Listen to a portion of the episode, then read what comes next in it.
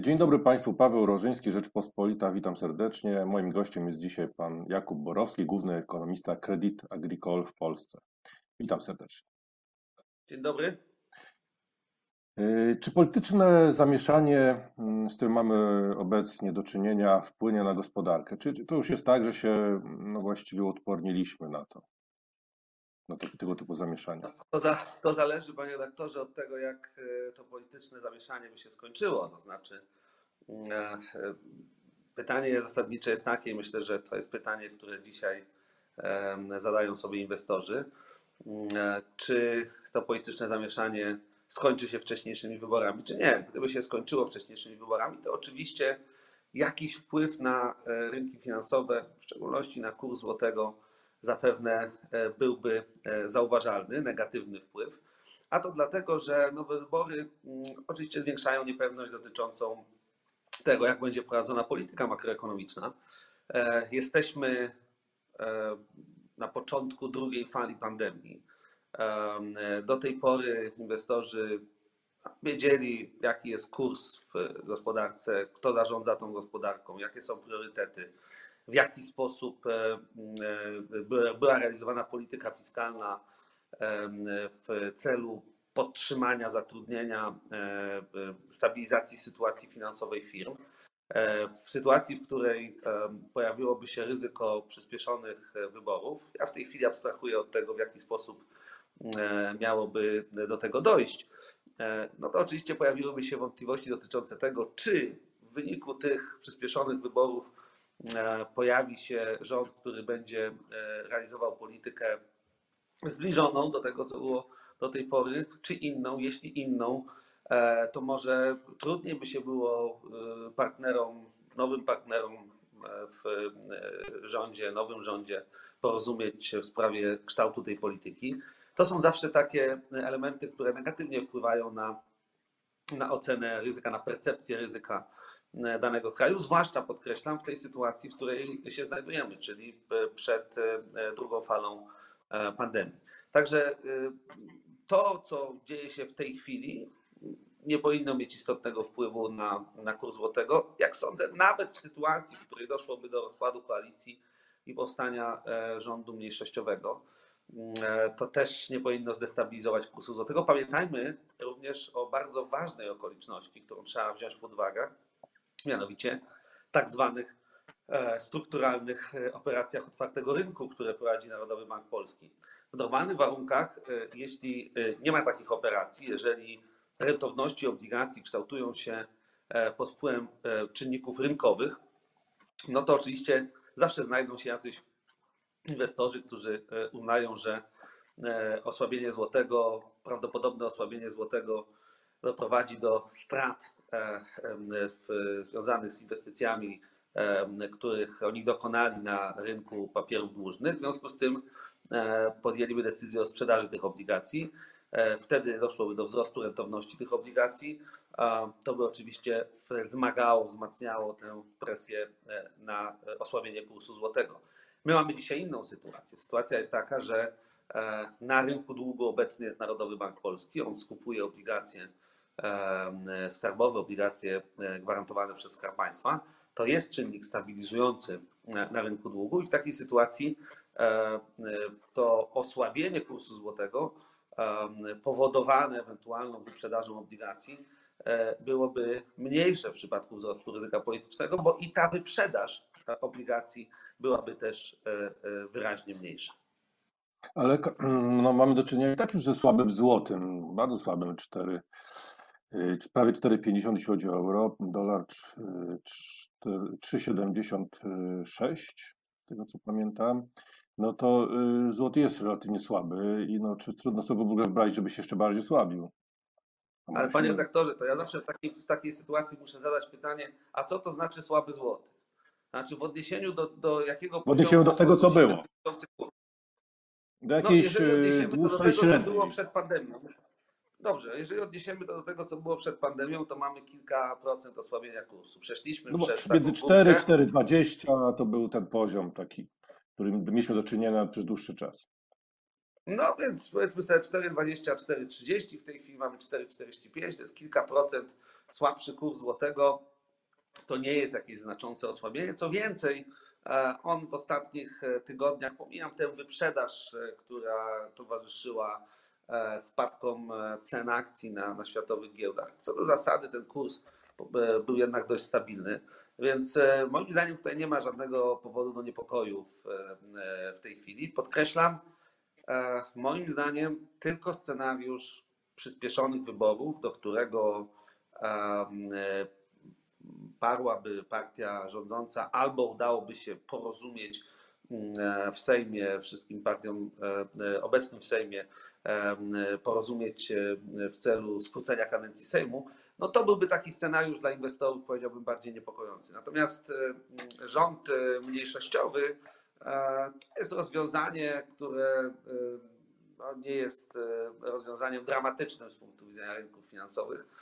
Myślę, że inwestorzy najpierw chcieliby zobaczyć, jak to funkcjonuje, jak rządowi udaje się przeprowadzać przez Sejm najważniejsze E, projekty ustaw. No pamiętajmy, już teraz wchodzę troszkę w taką e, ekonomię polityczną, ale pamiętajmy, że e, jeżeli do Sejmu kierowane były przez rząd mniejszościowy projekty ustaw, których celem byłoby złagodzenie wpływu pandemii na sytuację gospodarczą firm, gospodarstw domowych, no to też trudno sobie wyobrazić, żeby te ustawy nie przechodziły przez Sejm. Więc e, e, dlatego, tak jak powiedziałem, tylko scenariusz przyspieszonych wyborów, e, decyzje w tej sprawie ewentualne, to byłby czynnik wyraźnie negatywny dla kursu złotego. No bo tutaj trzeba rzeczywiście, jakby abstrahując od kursu złotego, no trzeba wspomnieć o tym, że no dla całej gospodarki jest to pewne ryzyko, bo jest pokusa prezentów politycznych, tak? Kupowania wyborców i zaczną się, zacznie się kolejny festiwal jakiś no, właśnie prezentów. Tak? To, to jest no, pole manewru w polityce fiskalnej jest już nieduże. Popatrzmy, jak wygląda ścieżka deficytu sektora finansów publicznych i długu e, sektora finansów publicznych w tym i w przyszłym roku. Przyjmijmy na chwilę, że te prognozy, które mm, e, przedstawili e, przedstawiciele Ministerstwa Finansów, a więc deficyt na poziomie 12, odpowiednio i 6% PKB w tym i w przyszłym roku, dług e, w okolicach 64% PKB w przyszłym roku, e, że to jest scenariusz bazowy. Na chwilę przyjmijmy, że to jest ten scenariusz najbardziej prawdopodobny.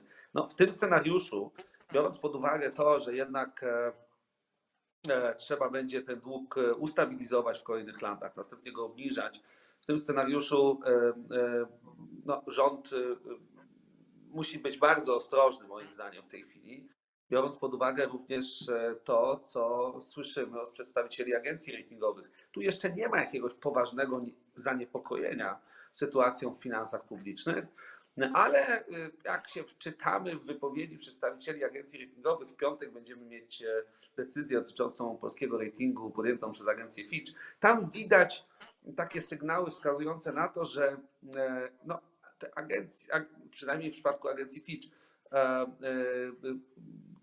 przedstawiciele tej agencji chcieliby e, poznać tę ścieżkę finansów publicznych w dłuższej perspektywie, zobaczyć, że rzeczywiście w dłuższej perspektywie mamy do czynienia z ustabilizowaniem sytuacji. Jeżeli teraz mielibyśmy,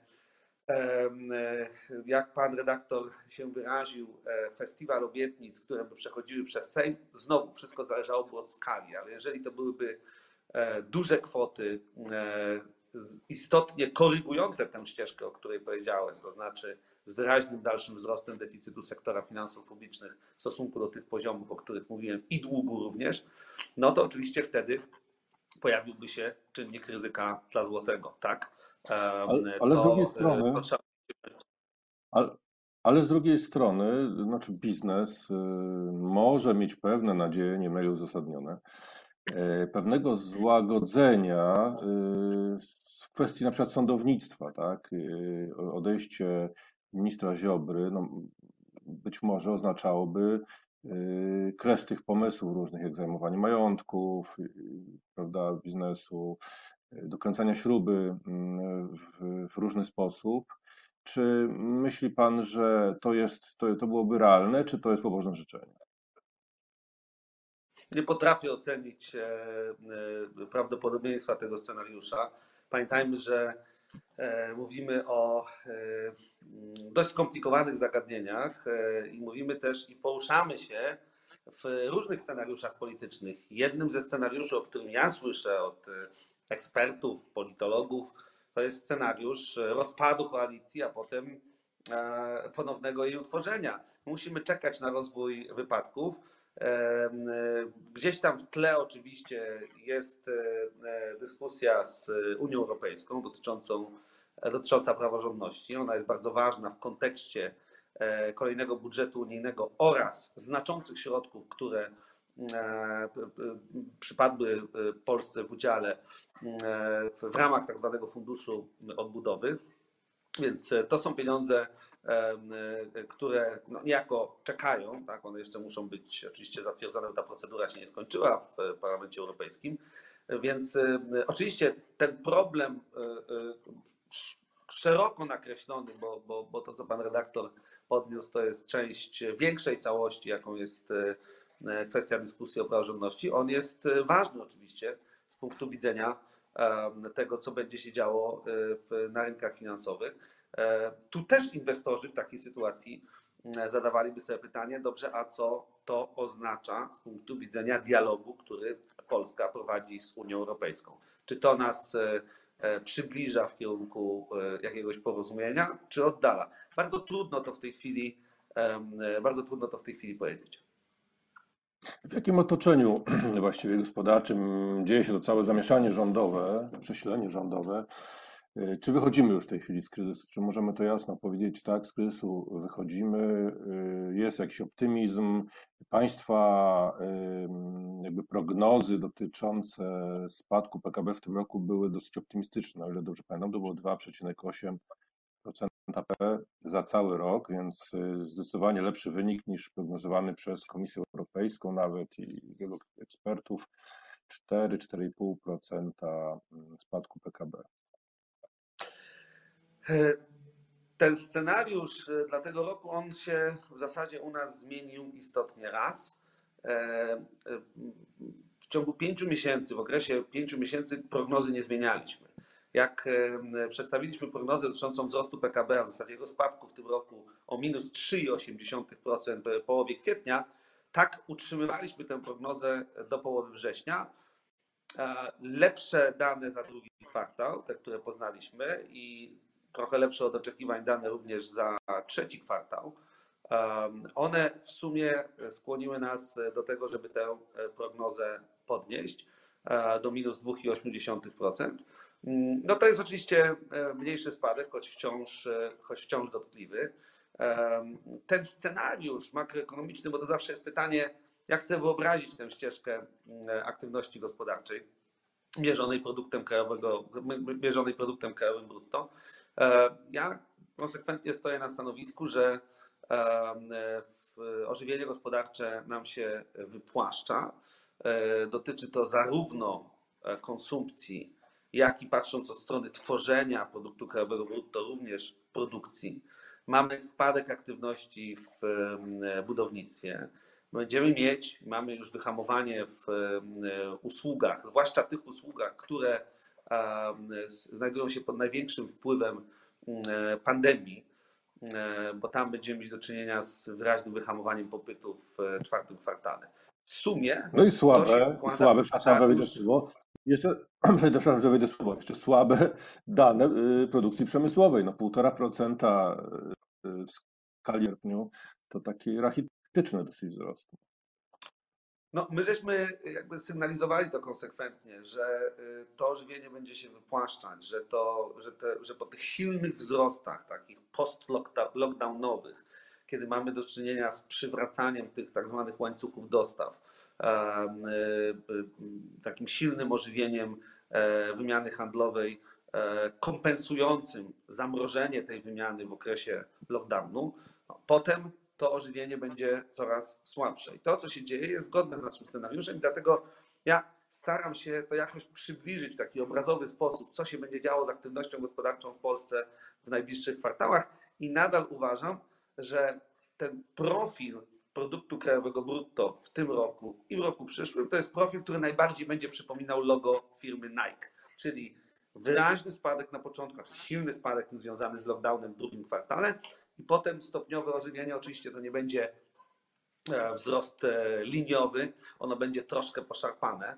E, ten trzeci kwartał będzie w trzecim kwartale odnotujemy wyraźne odbicie aktywności i potem, i potem to odbicie będzie coraz wolniejsze.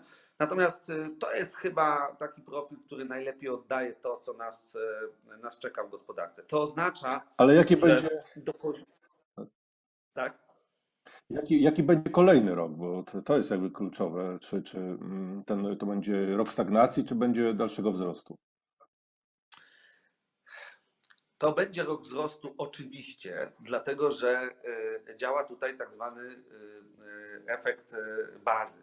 Efekt bardzo niskiej bazy, polegający na tym, że odbijamy się od bardzo niskiego poziomu. Tego poziomu aktywności gospodarczej, który niejako został sztucznie zaniżony przez lockdown, który doprowadził do silnego spadku PKB w drugim kwartale. Więc jeżeli startujemy z tak niskiego poziomu, e, no a ten poziom jest wyznaczony przez spadek produktu krajowego brutto w tym roku i to jest, przyjmijmy naszą prognozę w tej chwili minus 2,8%, no to z natury rzeczy, jeśli w przyszłym roku nie będzie lockdownu, a trudno dzisiaj oczekiwać, e, e, raczej spodziewamy się, że ta pandemia pewnie od wiosny już zacznie wygasać i to wygasać w sposób e, trwały. Pojawi się szczepionka, pojawią się, cały czas się pojawiają coraz bardziej skuteczne metody leczenia. W związku z tym będziemy się porównywać z rokiem, w którym był lockdown, a to oznacza, że w sposób naturalny musimy wyraźnie wzrosnąć. Jest pytanie o skalę tego wzrostu. Nasza prognoza to wzrost o 3,6% PKB, e, dlatego że e, pozostaniemy niejako w uścisku tej pandemii również w pierwszym kwartale. Czyli można powiedzieć, że e, w pierwszym kwartale przyszłego roku ta aktywność gospodarcza, zwłaszcza w usługach, będzie w turystyce oczywiście będzie, będzie ograniczona. No a z kolei ten taki akcelerator wzrostu, którego się spodziewamy w przyszłym roku, czyli środki napływające do Polski w ramach grantów z, przyznanych Polsce i innym krajom w ramach Funduszu Odbudowy, one będą napływać powoli. To się zacznie dopiero rozkręcać. W drugiej połowie pojawią się te środki, ale w, nie w na tyle dużej skali, żebyśmy mogli odnotować bardzo silne przyspieszenie wzrostu gospodarczego. W tym sensie, ponieważ często rozmawiam z przedstawicielami przedsiębiorstw, no w zasadzie E, no moja ocena jest mniej więcej taka, skrótowo ją przedstawiając. No, musimy przetrwać przez te najbliższe e, trzy kwartały. Druga połowa przyszłego roku już będzie całkiem przyzwoita, natomiast kolejne dwa lata powinny być bardzo dobre, dlatego że będziemy beneficjentem tych środków, będziemy również beneficjentem silnego odbicia w inwestycjach, dlatego że ta, ten spadek inwestycji on się zakończy w drugiej połowie przyszłego roku i zacznie się odbudowa majątku trwałego, restytucja tego majątku trwałego, a jednocześnie wiele firm zdecyduje się po prostu e, wymienić majątek, e, e, który ma restrukturyzować ten majątek w, w celu zwiększenia wydajności. Więc to mamy w tym A, a jak w tej chwili? I w sensie można powiedzieć, tylko już ostatnie zdanie, panie że w tym sensie można powiedzieć, że no ten przyszły rok to będzie taki rok przejściowy, wychodzenia z pandemii, stopniowego rozkręcania się gospodarki, natomiast kolejne dwa lata powinny być bardzo dobre. Y, na koniec chciałbym panu zadać takie, myślę, że dość kluczowe pytanie. Znaczy, jak y, to, o czym mówimy, ten spadek, a potem wzrost gospodarczy, te parametry sytuują nas na tle innych krajów europejskich. Ostatnio dużo się mówiło o tym, że jesteśmy tutaj w czołówce, że będzie ten mniejszy ten spadek, czy rzeczywiście to ma pokrycie w liczbach, a jeśli nawet w tym roku byłoby tak dobrze, to przypadkiem w kolejnym roku ci co bardziej się y, y, zadołowali, nie odbiją się mocniej kosztem jakby nas. Naszej pozycji. Oczywiście te, te liczby, które, które mamy i ta nasza prognoza wskazują na to, że y, spadek aktywności gospodarczej w tym roku w Polsce będzie relatywnie płytki na tle krajów rozwiniętych Unii Europejskiej tych krajów, które zostały A dotknięte silnie szokiem zewnętrznym w postaci spadku e, popytu na eksport, e, mm, no na przykład Niemcy, prawda, e, branża motoryzacyjna, oraz tych krajów rozwiniętych Unii Europejskiej, które miały dużą ekspozycję na to ryzyko związane z dużym udziałem turystyki. Tych usług, które były najbardziej wrażliwe na pandemię. Więc w jakimś sensie porównujemy się z krajami, które no, a zostały dotknięte bardziej przez ten wstrząs ze względu na swoją strukturę gospodarki, więc w tym sensie jest to, jest to czynnik, który musimy brać pod uwagę jako czynnik, który wyjaśnia nam relatywnie niski spadek PKB w Polsce. No ale druga bardzo ważna rzecz, i w zasadzie chyba od niej trzeba by było zacząć, skala stymulacji fiskalnej, skala interwencji polityki fiskalnej w Polsce była, czy będzie, no bo rok się jeszcze nie skończył, jedną z najwyższych w Unii Europejskiej. Ta skala mierzona przyrostem deficytu sektora finansów publicznych, strukturalnego deficytu sektora finansów publicznych, strukturalnego salda sektora finansów publicznych. Tutaj mamy do czynienia z bardzo dużą interwencją, która oczywiście znajduje odzwierciedlenie w przyroście długu publicznego. Na taką interwencję się żeśmy zdecydowali po to, żeby ustabilizować przede wszystkim sytuację na rynku pracy, sytuację finansową firm. I to, ten spadek, relatywnie niski spadek produktu krajowego brutto jest oczywiście również efektem tak dużej skali interwencji. Więc można powiedzieć, że te dwa czynniki sprawiają, że Polska przechodzi przez pandemię, no nie suchą nogą oczywiście, bo, bo to było niemożliwe, no ale powiedzmy sobie relatywnie, relatywnie łagodnie w stosunku do krajów rozwiniętych. No pytanie tylko, pytanie tylko, czy nie, czy już nie wystrzelaliśmy wszystkim w magazynku i, to chyba będzie spędzało ten sport nam wszystkim. Jakby, no, jakby wróciła, rzeczywiście pogorszyła się sytuacja. Zawsze jest, możliwość, zawsze jest możliwość dalszej ekspansji fiskalnej, w tym ekspansji realizowanej w ramach polityki pieniężnej. Tutaj musielibyśmy się zdecydować na niekonwencjonalne narzędzia tej polityki. W przypadku polityki fiskalnej, oczywiście teoretycznie Polska mogłaby się zdecydować na jeszcze większy deficyt w tym czy w przyszłym roku i wyższy dług, tylko pamiętajmy, to będzie oznaczało, że w kolejnych latach będziemy musieli tę politykę fiskalną zacieśniać szybciej, mocniej, co będzie hamowało wzrost gospodarczy. My już pierwsze efekty tej ekspansji fiskalnej już mamy. Przecież rząd zdecydował o zamrożeniu wynagrodzeń w przyszłym roku, będą znaczące redukcje zatrudnienia w sferze budżetowej. No, to jest efekt tych, tych działań podjętych na rzecz walki z pandemią. Gdzieś musimy zapłacić za to cenę i to jest ta cena, którą już płacimy w przyszłym roku. W kolejnych latach, jak sądzę, taka sytuacja się utrzyma, to znaczy nie będzie już miejsca na to, żeby w polityce fiskalnej znacząco zwiększać wydatki. Dziękuję panu bardzo za rozmowę. Moim gościem pan Jakub Borowski, główny ekonomista Credit Agricole w Polsce. Dziękuję bardzo.